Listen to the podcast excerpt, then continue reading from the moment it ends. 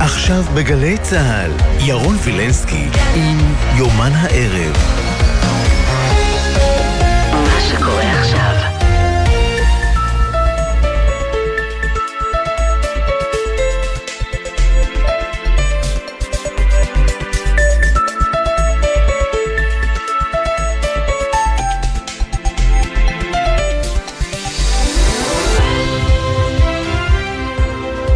אנחנו בשעה השנייה של המשדר המיוחד שלנו, אה, בשעה הזו, הערכת מצב בפיקוד מרכז, אה, שר הביטחון בני גנץ שם, אחר כך ישוחח עם עיתונאים, נביא את זה בשידור חי.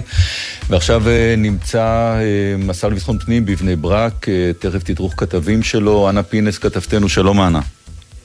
שלום ירון, אה, אנחנו כאן במשרד לביטחון פנים, אה, באמת אה, בעוד מספר דקות השר עומר בר-לב צפוי לערוך תדרוך כתבים אחרי כמה ימים שהוא באמת שומר על שתיקה יחסית, ייתכן בעקבות ההתבטאויות הבעייתיות בלשון המעטה ששמענו ממנו בשבוע שעבר, באמת בהצהרה שאנחנו הולכים לשמוע, סביר להניח שהשר יכריז על ההיערכות שהולכת וגוברת לימים הקרובים, כמובן תגיע לשיאה סביב הרמדאן.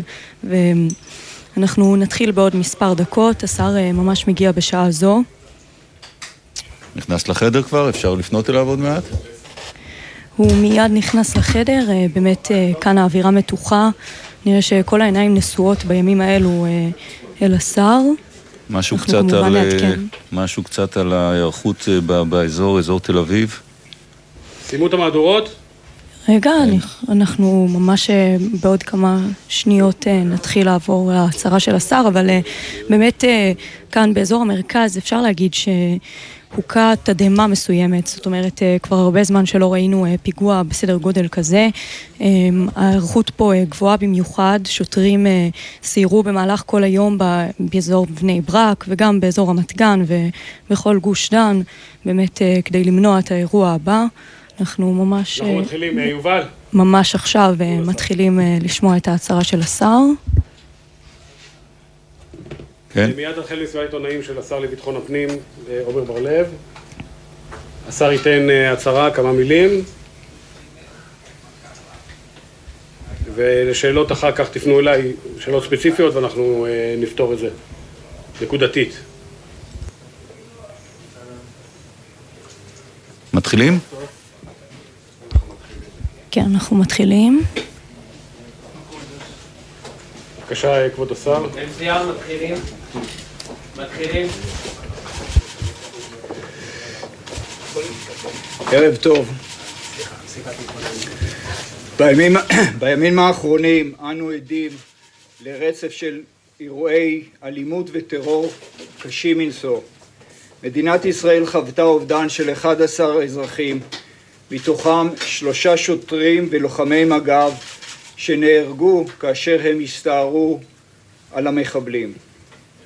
בשבוע האחרון משטרת ישראל פעלה בנחישות לילות כימים להתמודד עם גל הטרור שפוקד אותנו.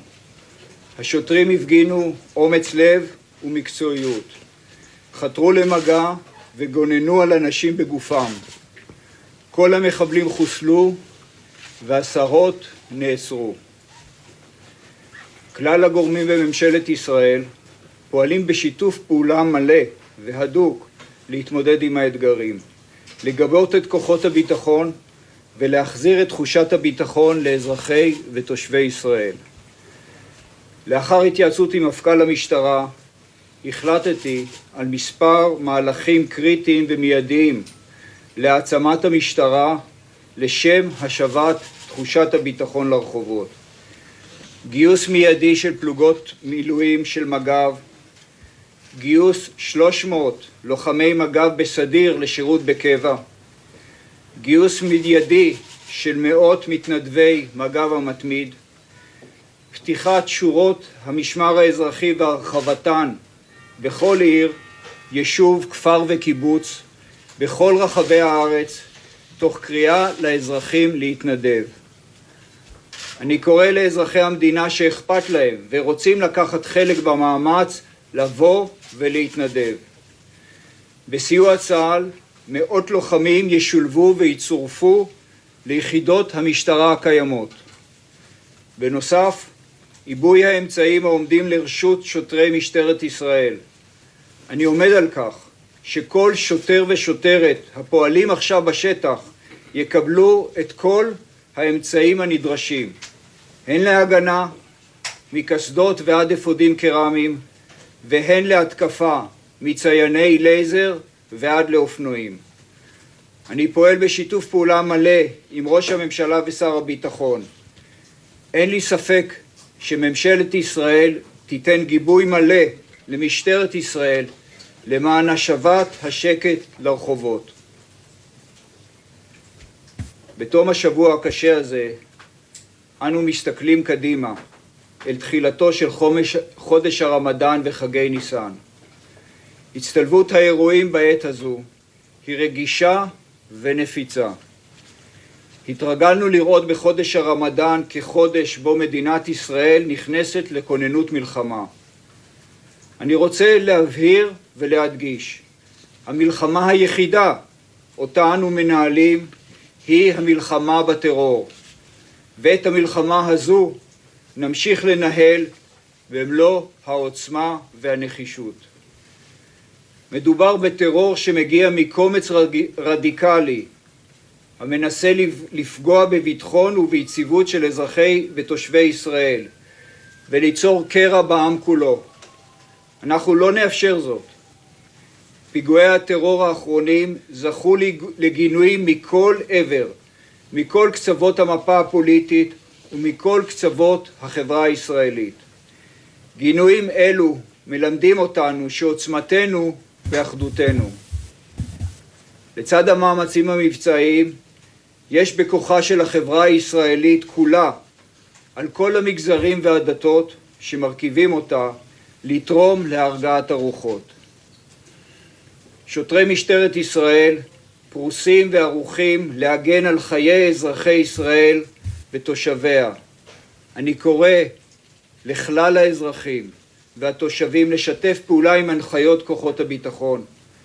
כל עימות מיותר יפגע במאמצים. ומילה נוספת, אינני יכול להתעלם מקריאות מתלהמות וגזעניות של קומץ מסיתים. אני רוצה להזכיר לכולנו, ומעל לכל, לכל אותם מסיתים, ששניים מתוך שלושת השוטרים שנפלו בשבוע האחרון לא היו בני הדת היהודית, והם הקריבו את חייהם למען ביטחון מדינת ישראל. אני מאמין בחוסר של הציבור הישראלי וברצון האמיתי של כלל הציבור בחיים משותפים ושקטים. נפעל בכוח כלפי כל מי שינסה להפר את הסדר. אלה הדברים של השר לביטחון פנים אה, עומר בר-לב, עכשיו בהצהרה בשידור חי. אנחנו עם אריה עמית, לשעבר מפקד מחוז ירושלים במשטרה. שלום אריה. וברכה. דיברנו לפני 24 שעות uh, בדיוק, עברו 24 שעות עם עוד פיגוע מאוד מאוד קשה, ואנחנו שומעים עכשיו את השר אומר ככה, גיוס פלוגות של משמר הגבול, 300 לוחמי סדיר שיגויסו לקבע, אה, מג"ב המתמיד, תסביר לנו מה זה, והרחבת שורות המשמר האזרחי. כל הצעדים האלה, איך הם נשמעים לאוזניים שלך, אריה עמית? יש דברים שהם uh, תכליתיים, ויש דברים שהם, אתה יודע, אני לא רוצה להגיד קשקוש, אבל הם לא באמת תכליתיים. כל מה שקשור לגיוס מג"ב ולהחזרה של חלק מהם לשירות אה, קבע מצוין. שמע, משמר הגבול בשנים האחרונות עבר סוג של, אני, זה לא, לא מהפך אלא מהפכה. זה היום הגוף הסמי צבאי שהרצון להתגייס אליו מנצח את הרצון להתגייס לצנחנים ולגולני. יש שם משהו קרה בחיל הזה שההכנה של האנשים לתפקידם היא פשוט יוצאת מן הכלל והרמה המבצעית של החבורה הזאת של לוחמי מג"ב היא רמה מעולה. אז מה שאתה אומר, תוסיפו מגב... מספרים, תוסיפו מספרים לאיכות הזאת. אבל אמיתי, אמיתי. אני לא בעד כל הבמקומים האלה. השליחה של חיילים לא כן. מיומנים כאילו לסייע למשטרה זה קשקוש, זה בזבוז זמן, זה בזבוז אנרגיה. הם לא באמת יודעים את העבודה. גם הנושא של הרחבת משמר אזרחי, אני לא בעד, אה, זה הביא במשטרה הרבה שנים להרבה מאוד צרות. כי התרגלו לזה שיש במקומים ואז אפשר לא לגייס אה, עוד שוטרים כמו שבאמת צריך ושמע, להיות שוטר זה מקצוע לוקח שנים להפוך בן אדם לשוטר טוב ומקצועי מספיק עם כל הבמקומים האלה. אתם רוצים משטרה חזקה? תביאו, תגייסו שוטרים, תגייסו עוד מג"בניקים, תהפכו את המשטרה ליותר חזקה, הכל בסדר, מצוין. אתה יודע, פרסמו עכשיו, אני לא, יודע, אני לא יודע אם ראית כבר, ראית כבר את הצילום במצלמת הגוף של השוטרים בדרך לפיגוע אתמול? בטח שראיתי. תשמע, אתה יודע, הם יודעים, יש שם מחבל שיורה לכל עבר, זה הדיווח, והם טסים לשם, ופשוט טסים מהאופנוע אל המחבל. תשמע, אתה יודע, זה נורא שדווקא בימים כאלה אה, מתגלה פתאום שאתם יודעים מה, אנשים טובים. יש במשטרה שוטרים יוצאים מן הכלל. המשטרה כארגון, יש בה די הרבה מחלות שאמורות להיות מטופלות והן יותר בעיה של פיקוד בכיר שהוא לא מספיק חזק וחלק ממנו לא מספיק מקצועי, אבל השוטרים בשטח, כמובן שיש גם פחות טובים, אבל בסך הכל כשאתה מדבר למשל על היס"מניקים, שמע, זה חבר'ה אמיצים ומקצועיים וזריזים ומיומנים יחידות האופנוענים זה יחידות של אנשים מצוינים שיודעים להגיע מהר מאוד לכל אירוע.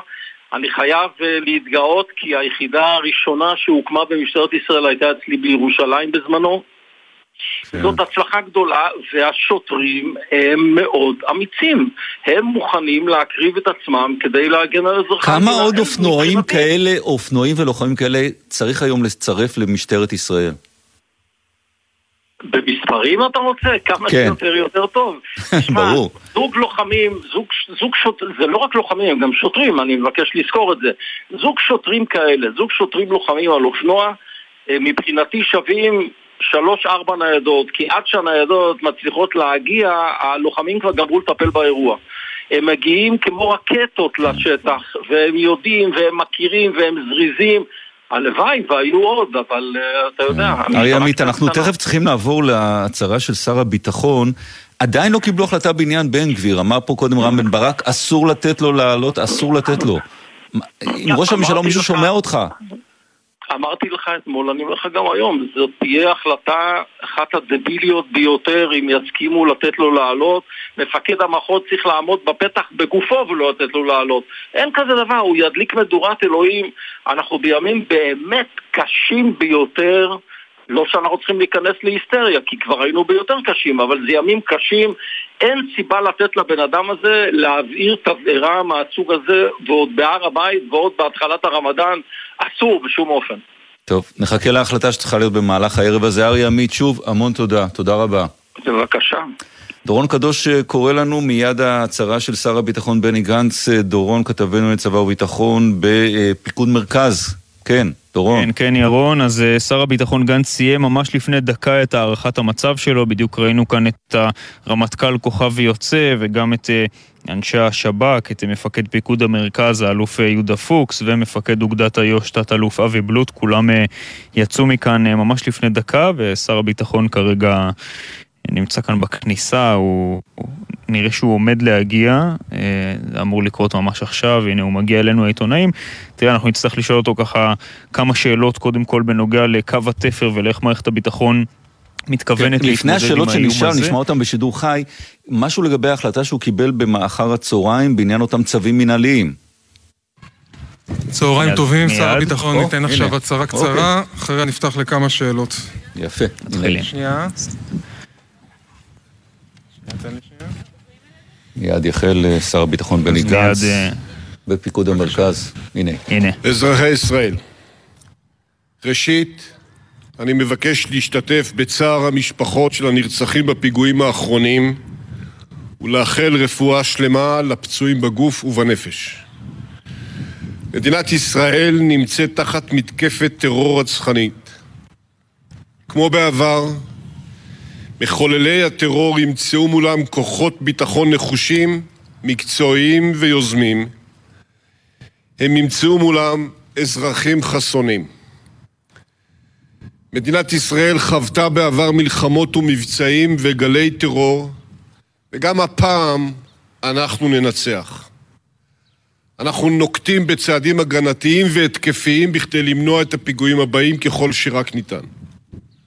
ברמה המבצעית, צה"ל בהובלת הרמטכ"ל וביחד עם ארגוני הביטחון הנוספים מרכז מאמץ מודיעיני ויצא למעצרי מנע ולפעולות מול המחבלים והסייענים בכל מקום בו יהיו. הוא לא מתחיל את זה עכשיו, מאות רבות נעצרו בתקופה האחרונה ועשרות פיגועים נמנעו. בנוסף, הנחיתי להיערך לסיוע למשטרת ישראל, כולל בציוד, בקליטת סד"כ ובתוספת כוח לוחם מצה"ל, שיסייע במשימות האבטחה השונות.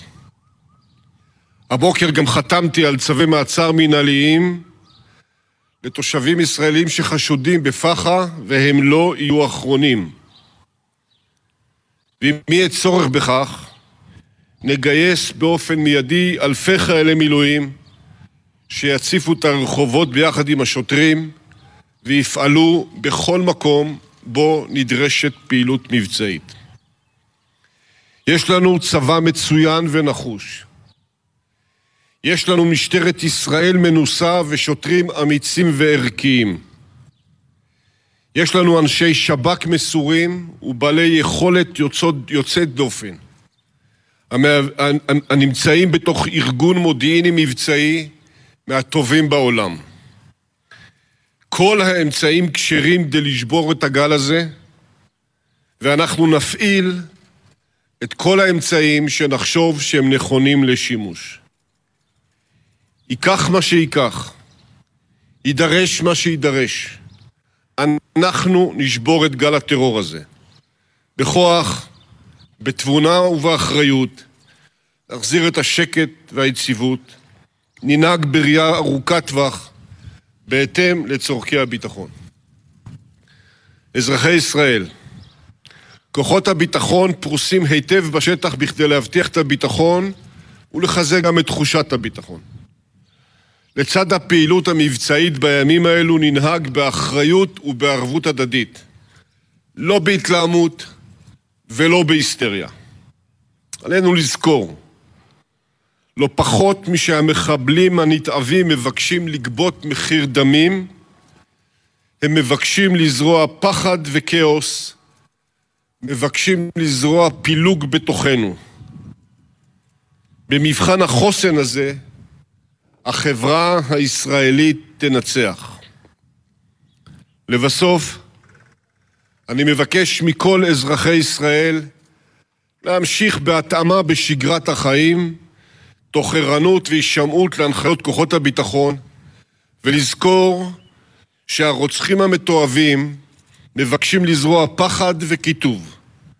ואנחנו, אנחנו נשמור על החוסן, על החברה הישראלית ועל הביטחון. תודה רבה לכם. כל האמצעים ראויים לשבור את הגל הזה, אומר שר הביטחון. שאלה מענבר טוויזר חדשות 12.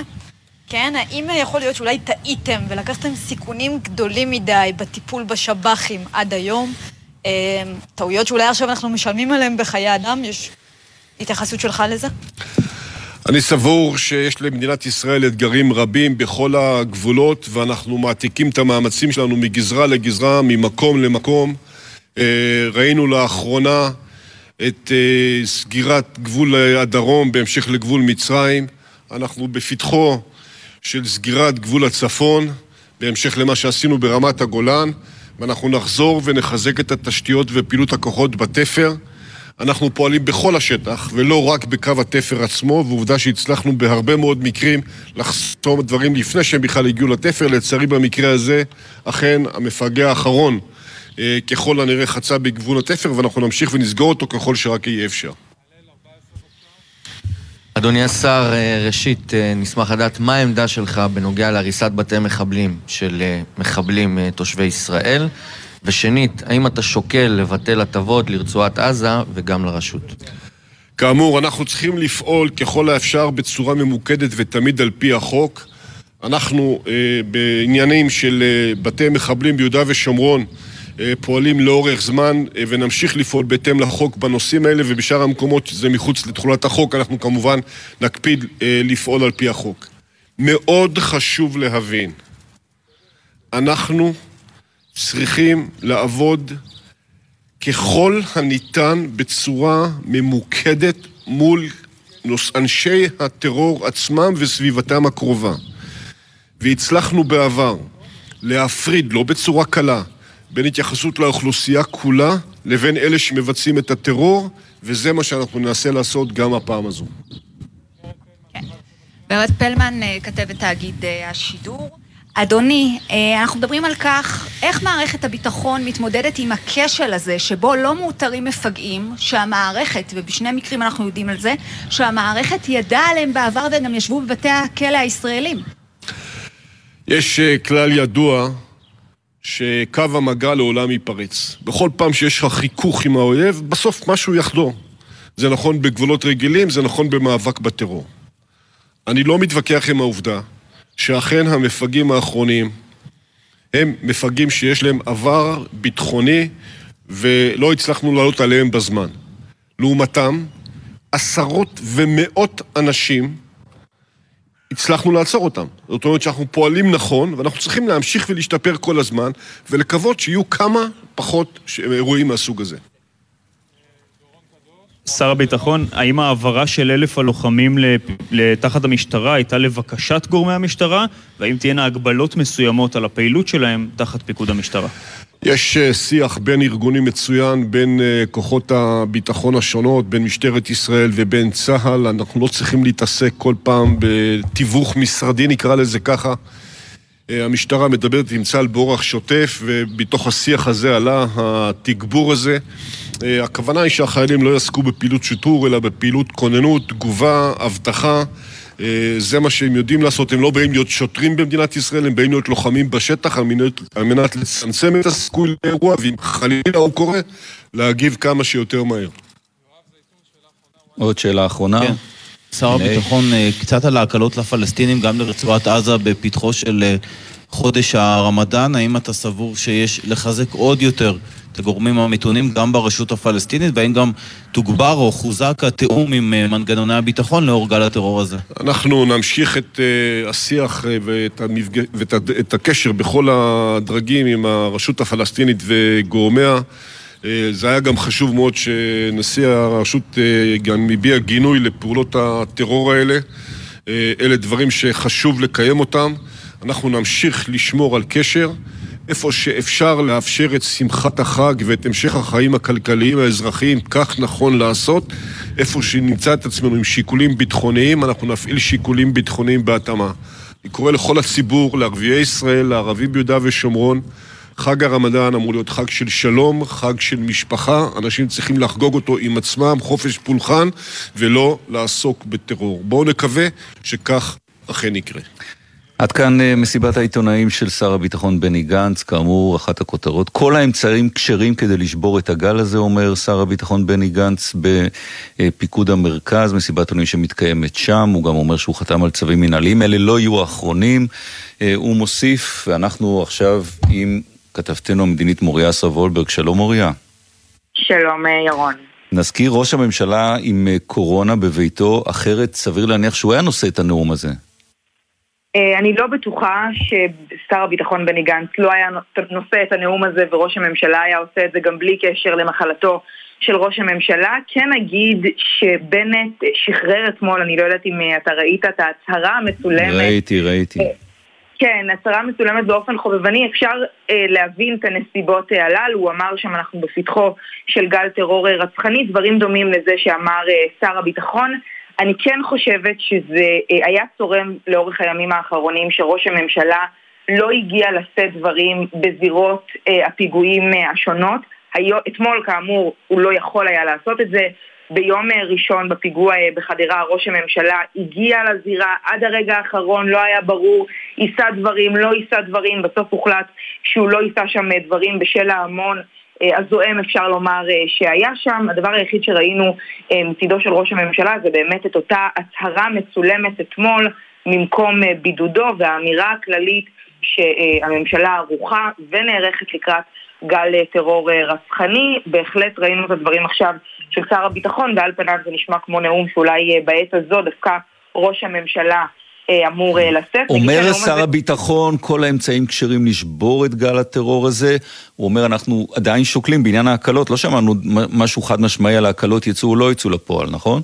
נכון מאוד, כפי שדיווחנו הבוקר, ממה שאנחנו מבינים זו המלצה שהולכת להיות במהלך הקבינט הערב של הדרג, של הדרג הביטחוני לדרג המדיני, לא לקבל החלטה עכשיו בעניין ההקלות לרמדאן, כן רוצים איפה שאפשר להקל, איפה שאפשר לבוא לקראת, עדיין לעשות את זה למרות העובדה שהמחבל אתמול הוא פלסטיני. ההמלצה תהיה כרגע להמתין, לבצע הערכות מצב יומיומיות, לראות מה קורה בימים הקרובים ורק לאחר מכן לקבל את ההחלטות. שר הביטחון אומר את זה גם עכשיו בקולו, הוא אומר אנחנו נמשיך את הקשר מול הרשות הפלסטינית ונמשיך איפה שאנחנו יכולים להמשיך לעשות זאת, גם לאפשר את שמחת החג, איפה שלא, לא נוכל.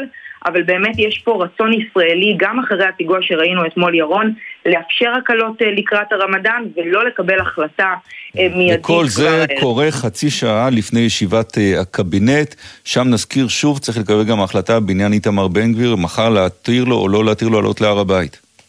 זה יותר, צריך להגיד, הערכת מצב של המשטרה. ממה שאני מבינה, גם המשטרה תבצע הערכת מצב פנימית אצלה. לקראת העלייה של איתמר בן גביר להר הבית. ראש הממשלה, אמרנו, גם עכשיו וגם לאורך השבועות האחרונים, מסרב להתערב בסוגיה הזו, כי מבחינת לשכת ראש הממשלה, עצם ההתערבות שלהם בסוגיה זה בעצם מתדלק את הפרובוקציה, כך מכנים זאת שם, של בן גביר. ייתכן שוב שגם הנושא הזה יעלה באמת בקבינט, אבל כן צריך להדגיש, מדובר בהחלטה של המשטרה וכמובן של השר לביטחון הפנים. תודה רבה מוריה אסרף וולברג. אנחנו עכשיו תודה. עם כתבנו מתן לוי, נמצא בבני ברק בשבעה של משפחת יחזקאל, שם בא לבקר ולנחם ראש האופוזיציה בנימין נתניהו. מתן לוי, שלום. שלום ירון, ערב טוב, אז אנחנו כאן ברחוב השניים בבני ברק, כאן יושבים שבעה על הרב אבישי דוד יחזקאל, ממש לפני דקות אחדות עזב ראש האופוזיציה נתניהו את השבעה, הנה כמה מהדברים שאמר כאן. אני רוצה להגיד שאני מצדיע לכוחות הביטחון, אני מצדיע לשוטרים ולשוטרות ולאזרחים שמנעו בגופם אסונות גדולים יותר. הם גיבורים של ממש. אנחנו נתונים תחת מתקפת טרור רצחנית. חייבים להחזיר את השקט והביטחון לאזרחי ישראל ברחובות הערים שלנו. אפשר לעשות את זה. צריך לעשות את זה. דרושה פעולה נחושה ויד קשה מאוד. אבל לצערי כולנו רואים שממשלה שתלויה בתנועה האסלאמית לא עושה זאת, וייתכן שלא מסוגלת לעשות זאת, אבל הם חייבים לעשות זאת. הם חייבים לעשות זאת, לשים בצד כל שיקול פוליטי ולהילחם בטרור הזה.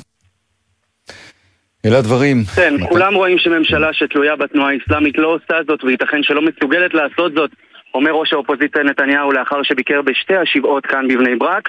חשוב לציין שבמהלך הצהרתו ובמהלך ביקורו תושבים רבים מהשכונה יצאו מהמרפסות, אפילו עלו כאן על בניין שנמצא בבנייה. כמה קריאות של בנט הביתה וכמובן גם היידה ביבי כאן בתוך השכונה. הוא סיים כמובן, הוא סיים כאמור את דבריו לפני דקות אחדות. תודה. מתן לוי. אנחנו יוצאים להפסקה וממשיכים עד לשעה שבע עם עוד אה, דיווחים, ראיונות אה, כאן במשדר המיוחד שלנו.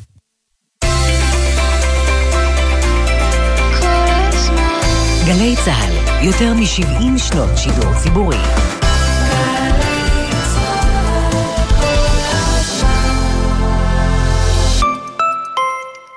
אזרחים ותיקים, בימים אלו של חזרה לשגרה, משרד הרווחה והביטחון החברתי מזמין אתכם ליהנות ממגוון השירותים הקהילתיים בכ-180 מרכזי יום בכל רחבי הארץ, או ממפגשים חברתיים באחד מאלף המועדונים שלנו. להסתייע ב-800 עובדים סוציאליים מומחים הזמינים למענכם.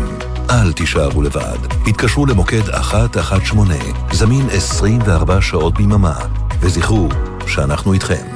משרד הרווחה והביטחון החברתי. מרכז הסייבר הלאומי, משטרת ישראל וחברות מובילות מבצעים את מחקרי הסייבר שלהם באוניברסיטת בן גוריון. 40 אלף בהייטק ובסייבר למדו באוניברסיטת בן גוריון. עשרות חברות הייטק וסייבר מובילות פועלות בפארק ההייטק שליד אוניברסיטת בן גוריון.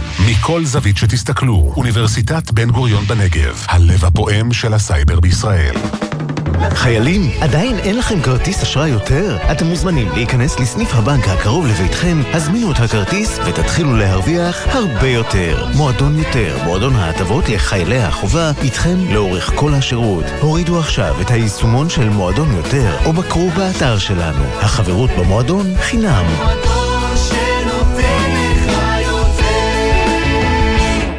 כולנו עם ולעולם.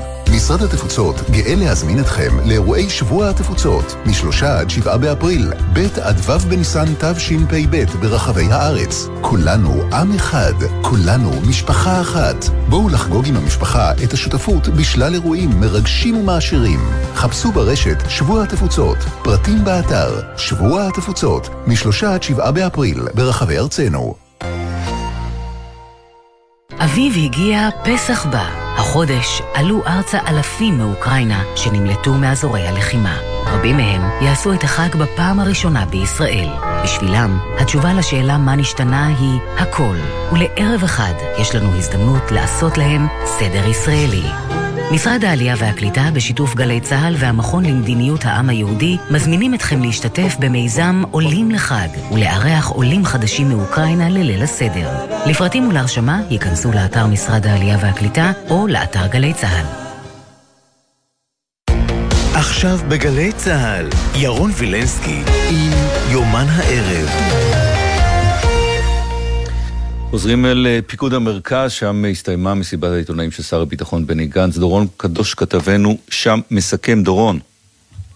כן, ירון, אז תראה עוד שתי נקודות שנדמה לי שחשוב לשים אליהן לב בהצהרה הזו של שר הביטחון ששמענו כאן לפני כמה דקות. קודם כל, הקריאה שלו לשמור על שגרה. אנחנו שומעים אה, לא מעט בימים האחרונים, במיוחד... בהתאמה, הוא אמר, שמרו על שגרה בהתאמה. בהתאמה, נכון. אנחנו שומעים על הורים, אתה יודע, שלא שולחים את הילדים לבתי ספר, אנשים שנמנעים מבילויים, אז גנץ אומר כן, מבקש להמשיך בשגרה בהתאמה כן לשמור על ערנות, כן להישמע לכוחות הביטחון, אבל בסופו של דבר הוא אומר צריך לשמור על החוסן של החברה הישראלית. ועוד נקודה מעניינת זה שגנץ יוצא כאן גם להגנת השב"כ, הרבה מאוד ביקורת הופנתה כלפי שירות הביטחון הכללי בימים האחרונים. אז גנץ אומר, יש לנו אנשי שב"כ מסורים, וכל האמצעים כשרים כדי לשבור את הגל הזה, נפעיל את כל האמצעים שנחשוב שהם נכונים לשימוש. כך הדברים של שר הביטחון כאן במפקדת פיקוד המרכז. דורון קדוש, תודה. שמענו גם קודם את ההצהרה של השר לביטחון פנים עומר בר-לב, ואחד מהצעדים שהוא אה, סיפר עליהם זה הרחבת שורות המשמר האזרחי ומג"ב המתמיד ומתנדבים של אה, מג"ב. וכאן מביאה לנו עדה שטייף, אה, כתבתנו, את הסיפור הבא. שימו למתנדבים במשמר הגבול טוענים שאין כלי נשק לצאת איתם לשטח לאחר שמחסני הנשק נסגרו בעקבות גנבות. עדה שטייף איתנו, שלום הדס.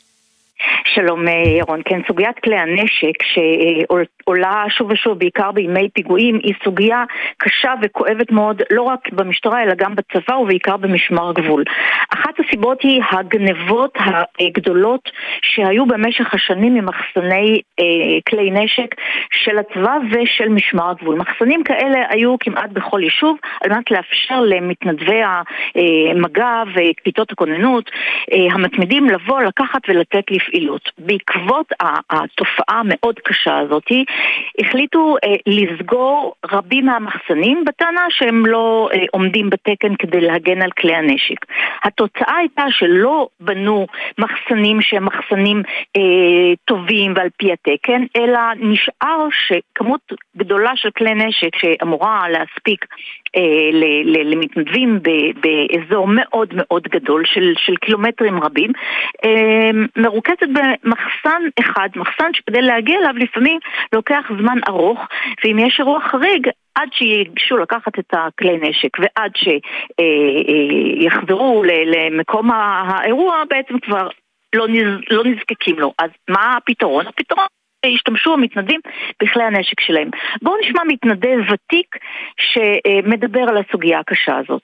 יישובים בהר מופקרים. מופקרים, אין נשק ארוך פה לאף אחד.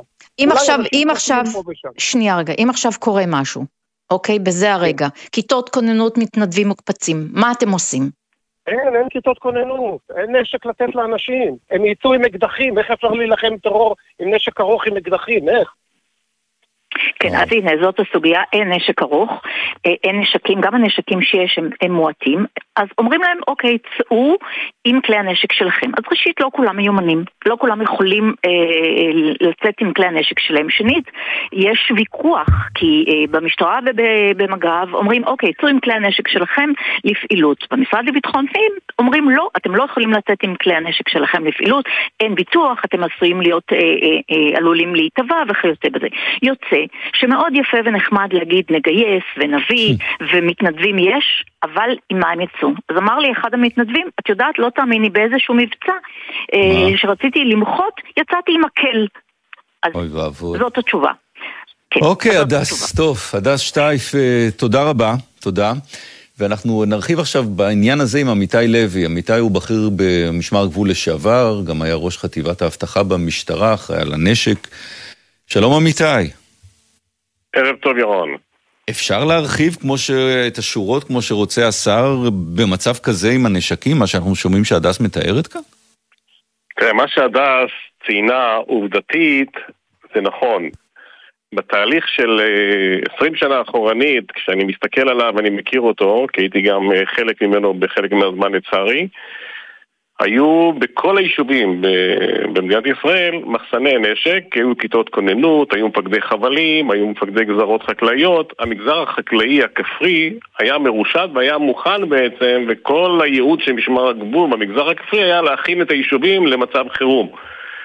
למצב מלחמה, מצב חירום כזה או אחר, ולכן גם היישובים עצמם היו חלק מהמערך ההגנה של מדינת ישראל, מתוך הבנה שהמשטרה או כל כוח אחר לוקח לו זמן ואז מה, ואז התחילו, לג... ואז התחילו, כזה. ואז התחילו לגנוב נשקים מהנשקיות? לא, ב... זה היה, התהליך הוא היה קצת יותר, אה, עקב צמצומים כאלה ואחרים, אה, מפקדים אה, במשטרה שחשבו לייעל אולי, לצמצם, ובגלל שקט ביטחוני זמני כזה ואחר, בראייה קצרת טווח, אז הורידו תקנים של מפקדי אה, חבלים, של אה, רכזי ביטחון שוב הגענו לקיצוץ תקנים במשטרה ובמשמר הגבול, שקיצצו לאורך השנים נכון, תקנים. נכון, נכון, עובדתית, עובדתית זה נכון. הקטע הזה לאורך כל הדרך... איך מתקנים את זה עכשיו, אמיתי? איך מתקנים? מה צריך לעשות? תראה, יש אפשרות לתקן הכל. העניין הוא רק צריך להבין, עוד פעם, יש פה כמה פילים שמסתובבים בחדר, ואנחנו כרגע מתעסקים במיקרו-טקטיקה, במקום להסתכל על התמונה היותר כוללת ועל הפילים האלה. כשתפיסת ההגנה שלנו משתבשת, קח לדוגמה סתם, אני הייתי מפקד עוטף ירושלים, זכיתי להיות כן. בין המקימים של המכשול הביטחוני הזה. תראה, עוטף ירושלים הוא סגור. כל המכשול שם מחזיק מעמד, יש שם כוחות שמאבטחים, והעסק הזה נראה כמו ש... כי גם ברובו זה חומה ענקית שאף אחד לא יכול לעבור אותה, אבל אם אתה רואה פה לעמק האלה, איפה שאני גר... זה, זה גם, ירון, זה גם חומה, זה גם uh, מערכות טכנולוגיות, זה גם כוח שמאבטח. נכון. במרחב התפר, הצבא הרים ידיים, ובעצם מאפשר לכל אחד לעשות מה שהוא רוצה במרחב התפר, אם זה מפקדי החטיבות, אם זה מפקד האוגדה, ואלוף הפיקוד, פשוט לא מעניין אותם שום דבר מה שקורה במרחב התפר, בכל מיני סיפורים כאלה ואחרים. תיסע לאור גדר הביטחון, תראה קילומטרים של גדר שנעלמו. אני אומר לך, אני גר ב... בעמק האלה, כשיורדים פה לכיוון תרקומיה דרומה, אתה רואה גם כתבות שהכינו בערוצי הטלוויזיה פעם בחצי שנה. עוברים, עוברים, זה, זה טיילת. נכון, זה מה שאני רוצה להסביר לך, בגלל זה אמרתי לך, הפילים שמסתובבים פה ואנחנו מתעסקים במיקרוטקטיקה. יש איזה מין קונספציה כזאת, שאם ניתן לפלסטינים להיכנס לישראל לעבוד, אז יהיה שקט. רק העניין הוא שאנחנו מדברים במערכת הפעלה iOS, הם מדברים במערכת הפעלה אנדרואיד. כן. מחבל... אבל הנושא שאנחנו התכנסנו פה זה הנשקים, כדי שלמתנדבים יהיו נשקים.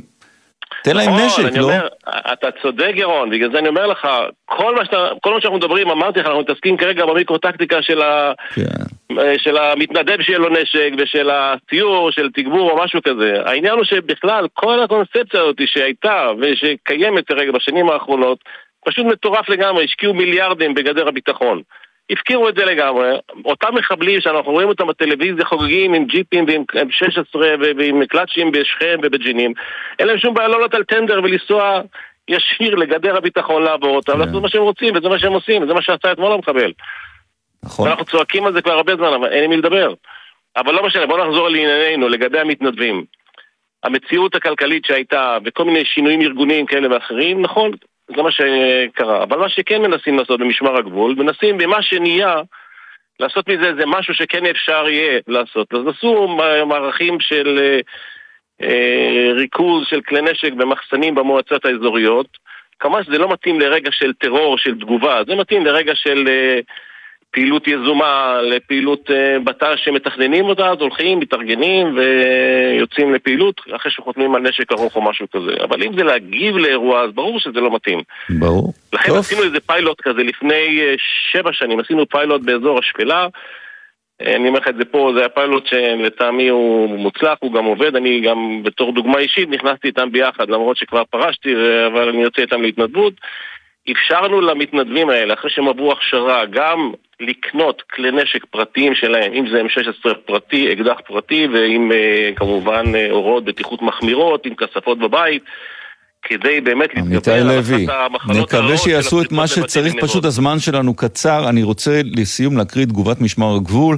במערך היישובים יש 106 מחסני נשק בבסיסי ההפעלה וביישובים הביטחוניים בשל החמרת נוהלי אבטחת נשקיות ומחסני הנשק. מבוצעת במשמר הגבול תוכנית סדורה וארוכת טווח לאישור וארגון מחסנים אלה. כל מחסן שאינו עומד בנהלים ובתקנים נסגר והנשקים הוצאו ממנו עד לסידורו. זה תהליך שייקח זמן, יש לנו אחריות לאבטחת המחסנים והבסיסים ואנחנו מממשים אותה. אז אנחנו מקווים שיבנו כמה שיותר מהר את המחסנים החדשים. אז קודם, כל, קודם כל, ירון, רק תדע לך, כן. עובדתית, המחסנים במושבים בקיבוצים נשאר, נשארו עד היום. מה שכן, אותם קיבוצים ואותן מועצות אזוריות נדרשות בסך הכל להשקיע כמה... לשדרג אותם. בדיוק. כן, אז קדימה לשדרג ושיהיה פה את הנשקים. עמיתי לוי, תודה רבה. ברור, ברור. תודה רבה. תודה. בגלל זה אני אומר לך, כולם מנסים לגלגל את זה על משמר הגבול או לגלגל את זה על מישהו אחר, אבל כל אחד שיסתכל פנימה בחצר שלו, אם זה המושבים והקיבוצים, זה המועצות האזוריות. זה טוב בכל דבר. עמיתי לוי, תודה.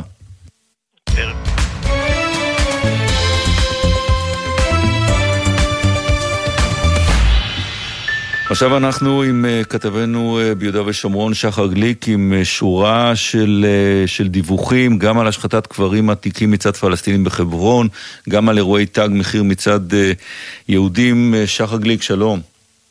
כן, שלום ירון, נכון מאוד. אז ממש בשעה האחרונה, פשע שנאה חמור מאוד אה, בבית העלמין העתיק אה, בחברון, השחתה שמה של אה, מספר קברים, בעיקר הקבר של מנוחה רחל שניאורסון, הבת של אחד האדמו"רים של חב"ד. זה איזשהו אתר עלייה לרגל של אנשי חב"ד בחברון. ממש בשעה האחרונה משחיתים את קברה ואת הקברים סביבה, שורפים שם סידורים וספרי קודש נוספים, אותם פלסטינים. בדקות האחרונות כוחות צה"ל והמשטרה הגיעו למקום כדי לאסוף ממצאים אה, ולחפש אחר אה, הפורעים. בעניין אחר באמת, מוקדם יותר אה, היום, נעצרים שלושה יהודים, נערים יהודים באזור השומרון, שניים מהם קטינים, אחד בגיר, בחשד לשני תגי מחיר שבוצעו הלילה בשומרון, אחד בכפר אסירה אל-קביליה, שם הוצת רכב אחד ונכתב שיהודים להתעורר, דם יהודי הוא לא הפקר, ובכפר מרדה שם נופצו מספר רכבים, אז המשטרה באמת עצרה במהלך הצהריים שלושה אה, נערים יהודים בחשד לביצוע שני תגי המחיר הללו. אה, גם ברכב שלהם נמצאו ממצאים שקושרים אותם אה, לאירוע הזה. צה"ל תכף ייכנס לכפר כדי לאסוף ממצאים שבאמת קשרו אותם. בית משפט השלום בירושלים האריך את מעצרם של שניים מהם, קטין ובגיר, עד מחר, ושל השלישי, קטין, עד ליום שישי. סך הכל נגיד בשבוע האחרון שבעה תגי מחיר ביהודה ושומרון, כולם מיד אחרי פיגועים, אותם פיגועים רצחניים. ראינו תגי מחיר מיד אחרי הפיגוע בבאר שבע, אחר כך בחדרה אה, והלילה אחרי הפיגוע בבני ברק, שבעה תגי מחיר. עד עכשיו לא היו עצורים, שלושה עצורים ראשונים, זה באמת אה, מוקדם יותר היום, וכעת בדקות האחרונות אותו פשע שנאה בבית העלמין העתיק בחברון מצד פלסטינים. תודה. תודה.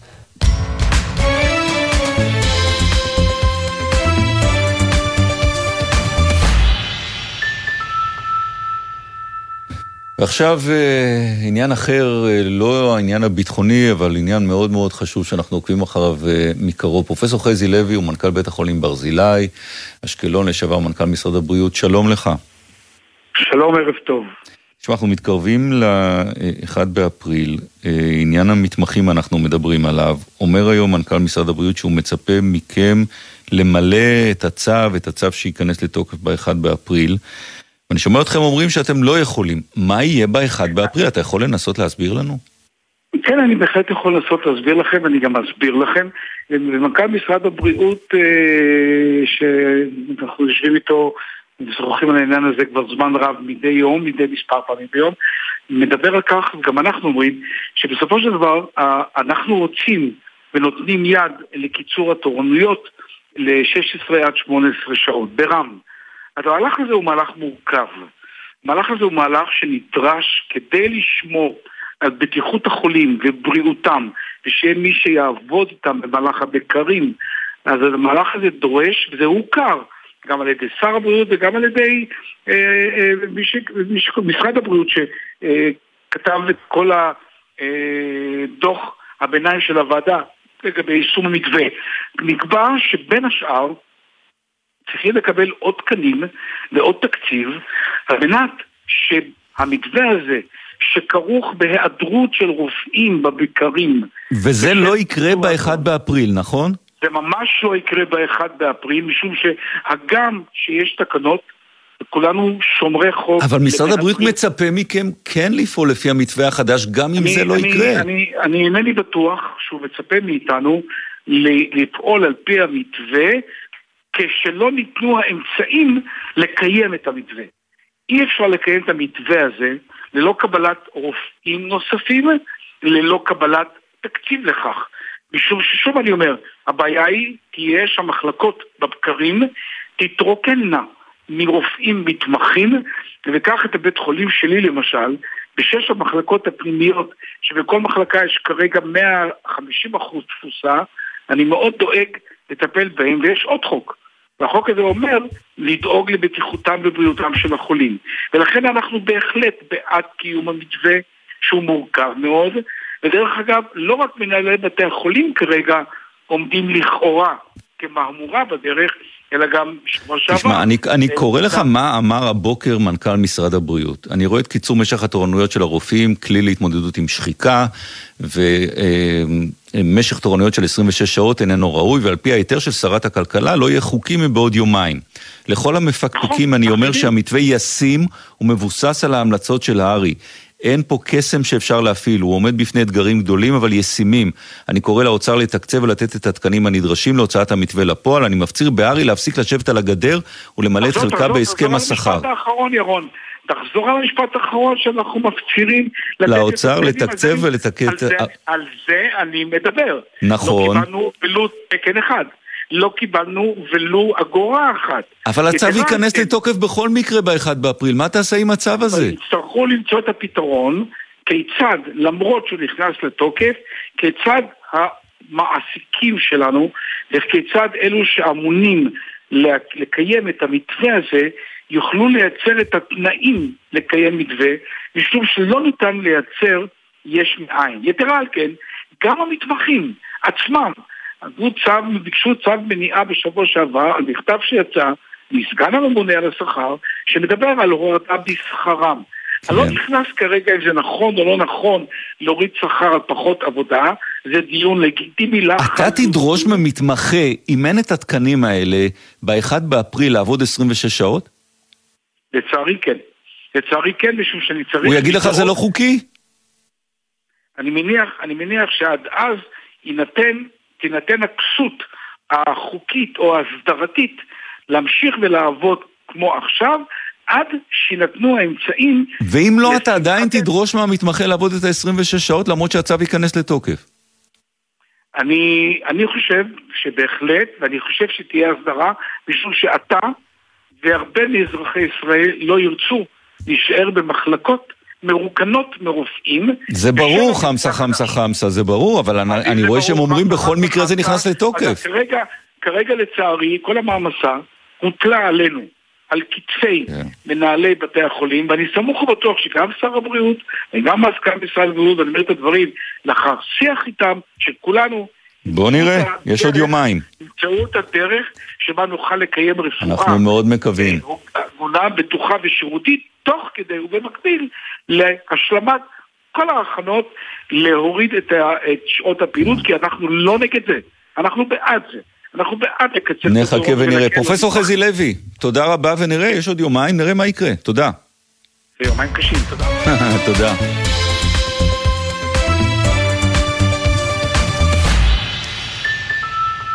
אני שמעתי על המבצע הזה בתשדיר שמשודר כאן בגלי צה"ל, זה מבצע שקשור גם לגלי צה"ל, אבל ביקשנו לעסוק בזה כי אותי באופן אישי זה מאוד מאוד מרגש. אנחנו עם דגנית אה, סנקר לנדה, היא סמנכ"לית עידוד עלייה ותושבים חוזרים במשרד העלייה והקליטה. שלום דגנית. שלום ירון, ערב טוב. תשמעי, אה, זה אנשים שעלו מאוקראינה, ועכשיו אתם מחפשים להם אנשים שיערכו אותם לליל הסדר. אה, תראה, אני קודם, ראשית אני אומר שאנחנו רואים את עצמנו באמת אחראים אה, לא רק לליל הסדר, אנחנו מטפלים בהם בכל ההקשרים, בכל המובנים. זה ברור, אבל ש... בהקשר של ליל הסדר, המבצע הזה, בואי נתרכז בו. מה, מה המבצע הזה? המבצע הזה הוא בעצם מבצע כפול. ראשית, כל מי שנמצא במלונות, שזה בערך 3,700 אה, איש נכון להיום בבוקר, יזכה לליל סדר כהלכתו בבית המלון שבו הוא נמצא, עם עורך סדר, עם, עם, עם, עם באמת, אה, עם הנגשה שפתית ועם כל מה שקשור בעניינים האלה. ובמקביל, למי שבחר לגור בקהילה, חלקם אצל משפחות, אבל חלקם גם לעיתים לבד, כן. אנחנו ביחד איתכם וביחד עם המכון לחקר העם היהודי, מנסים להציע באמת אה, אלטרנטיבה ישראלית מחברת אה, שורשית, וגם הייתי אומרת... אה, שמשפחות יערכו אותם לסדר בבית. שמשפחות שיפתחו את בתיהן, את דלתן, את שולחנן, ויערכו אותם לליל סדר ראשון במדינת ישראל, וואו. חג חירות ראשון במדינת ישראל. איך התגובות עד עכשיו? כי התשדיר כבר רץ כמה זמן. אמ, אני רוצה להגיד שבאמת, לא רק בהקשר של המבצע הזה, אה, השרה שלנו, פנינה תמנו שטה, הצליחה להביא את כולם, את כולכם, לשולחן הווירטואלי הזה של אה, ליל הסדר, בין אם זה ארגונים שממש מבקשים בעשרות לארח, בין אם זה אנשים פרטיים, אנחנו אתמול התחלנו, אנחנו כבר, יש לנו עשרות של אנשים פרטיים שמבקשים לארח, ועוד, הייתי אומרת, מאות של ארגונים, כמו קיבוצים, כמו עמותות שמבקשים uh, להצטרף לחגיגה. מה הזאת. צריך לעשות, אנשים שמעוניינים, שומעים אותנו עכשיו, מעוניינים לארח משפחה שעלתה מאוקראינה בליל הסדר, לפנות לאן? פשוט להיכנס לאתר שלנו, יש לנו באנר מאוד מאוד יפה, עם קישור מאוד מאוד פשוט, עם טופס מאוד מאוד פשוט, והאנשים שלנו בימים הקרובים יעסקו בשדכנות כזאת, שתתאים גם, אתה יודע, מבחינת מיקום, גם מבחינת הרכב, גם מבחינת לפעמים כשרות. אנחנו מנסים לרדת לכל מיני רזולוציות, אה, ובאמת לעשות שיהיה נוח גם למשפחה וגם אה, כמובן אה, לעולים היקרים שלנו. נהדר. תחשבי על האנשים האלה ש, ש, שעלו ורק לפני חודש חיו את החיים שלהם שם, אולי סדר שם זה, פתאום הם יגיעו לאיזה משפחה בארץ לקיים את ליל הסדר פה, זה בכלל לא היה בתוכנית שלהם. נראה לי חג ממש רלוונטי, החג הזה. חג ממש אקטואלי, אם נגדיר אותו ככה עבורם במיוחד, ו... ובאמת אני אומרת לך, החברה הישראלית יוצאת מגדרה, אנחנו נתקלים באין ספור אה, בקשות לתרומה בכל, בכל האזורים, בכל ההקשרים. אה, לא רק בליל הסדר, אתם, אנשים פשוט פונים אליכם ורוצים לעזור.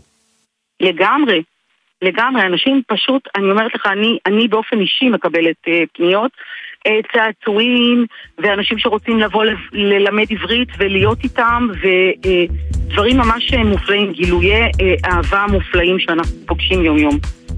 נהדר. אז כמו שאמרת, אה, באתר שלכם אפשר להיכנס, להציע, לארח משפחה עולה מאוקראינה לליל הסדר הקרוב.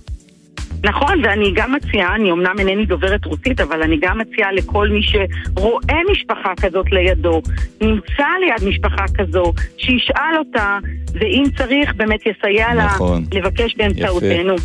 דגנית אה, סנקר לנדה. כוכבית 2994 גם שם יענה. כוכבית איך? 2944 של משרד העלייה. והקליטה, גם שם ניתן. תודה דגנית, תודה. תודה. תודה. אנחנו מסיימים, העורך יובל שגב, המפיקים מעיין קלמנסון ותהל כהן, על הביצוע הטכני גלעד בלום, רוני טרנובסקי, מוטי זאדה ודניאל שבתאי בפיקוח הטכני, דני אור, עורכת הדיגיטל תלמה אינגבר. אחרינו, נורית קנטי עם 360, תודה שהייתם איתנו להתראות.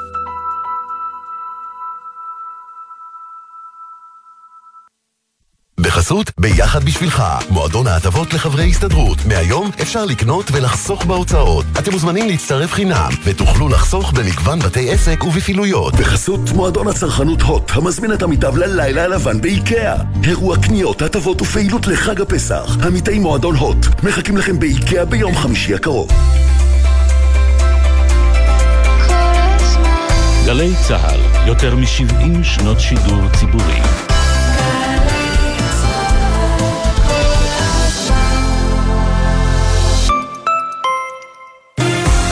עמיתי קרנות השוטרים והסוהרים, בפסח הזה מגיע לכם יותר, הרבה יותר. 40 אחוזי הנחה ב-40 רשתות, שוברים ומוצרים מסובסדים. פרטים באתר, 22 עד 31 במרס. קרנות השוטרים, קודם כל בשבילך. קרנות השוטרים, קודם כל בשבילך.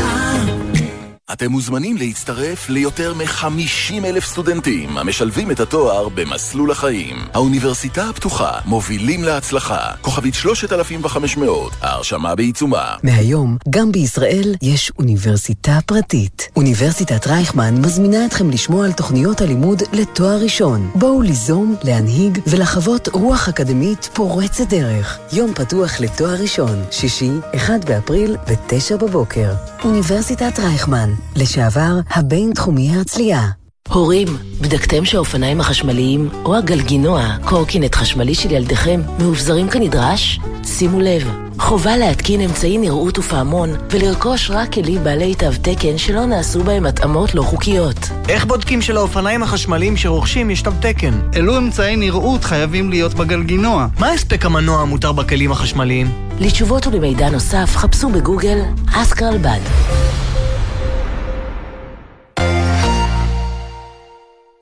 או-אה, איזה שבוע היה לנו. איזה? מטורף. אבל אתה לא אומר את זה כל שבוע? נו, וזה לא נכון. ישי שנר ויניר קוזין מסכמים את השבוע בתוכנית חדשה. כל חמישי בחמש בערב צוללים לנושאים הבוערים של השבוע, בודקים מי דייק ומי הטעה אותנו, ומביאים את ההתבטאויות המעניינות שלא בטוח ששמעתם. יומן הערב לסיכום השבוע, מחר, חמש עד שבע, גלי צה"ל.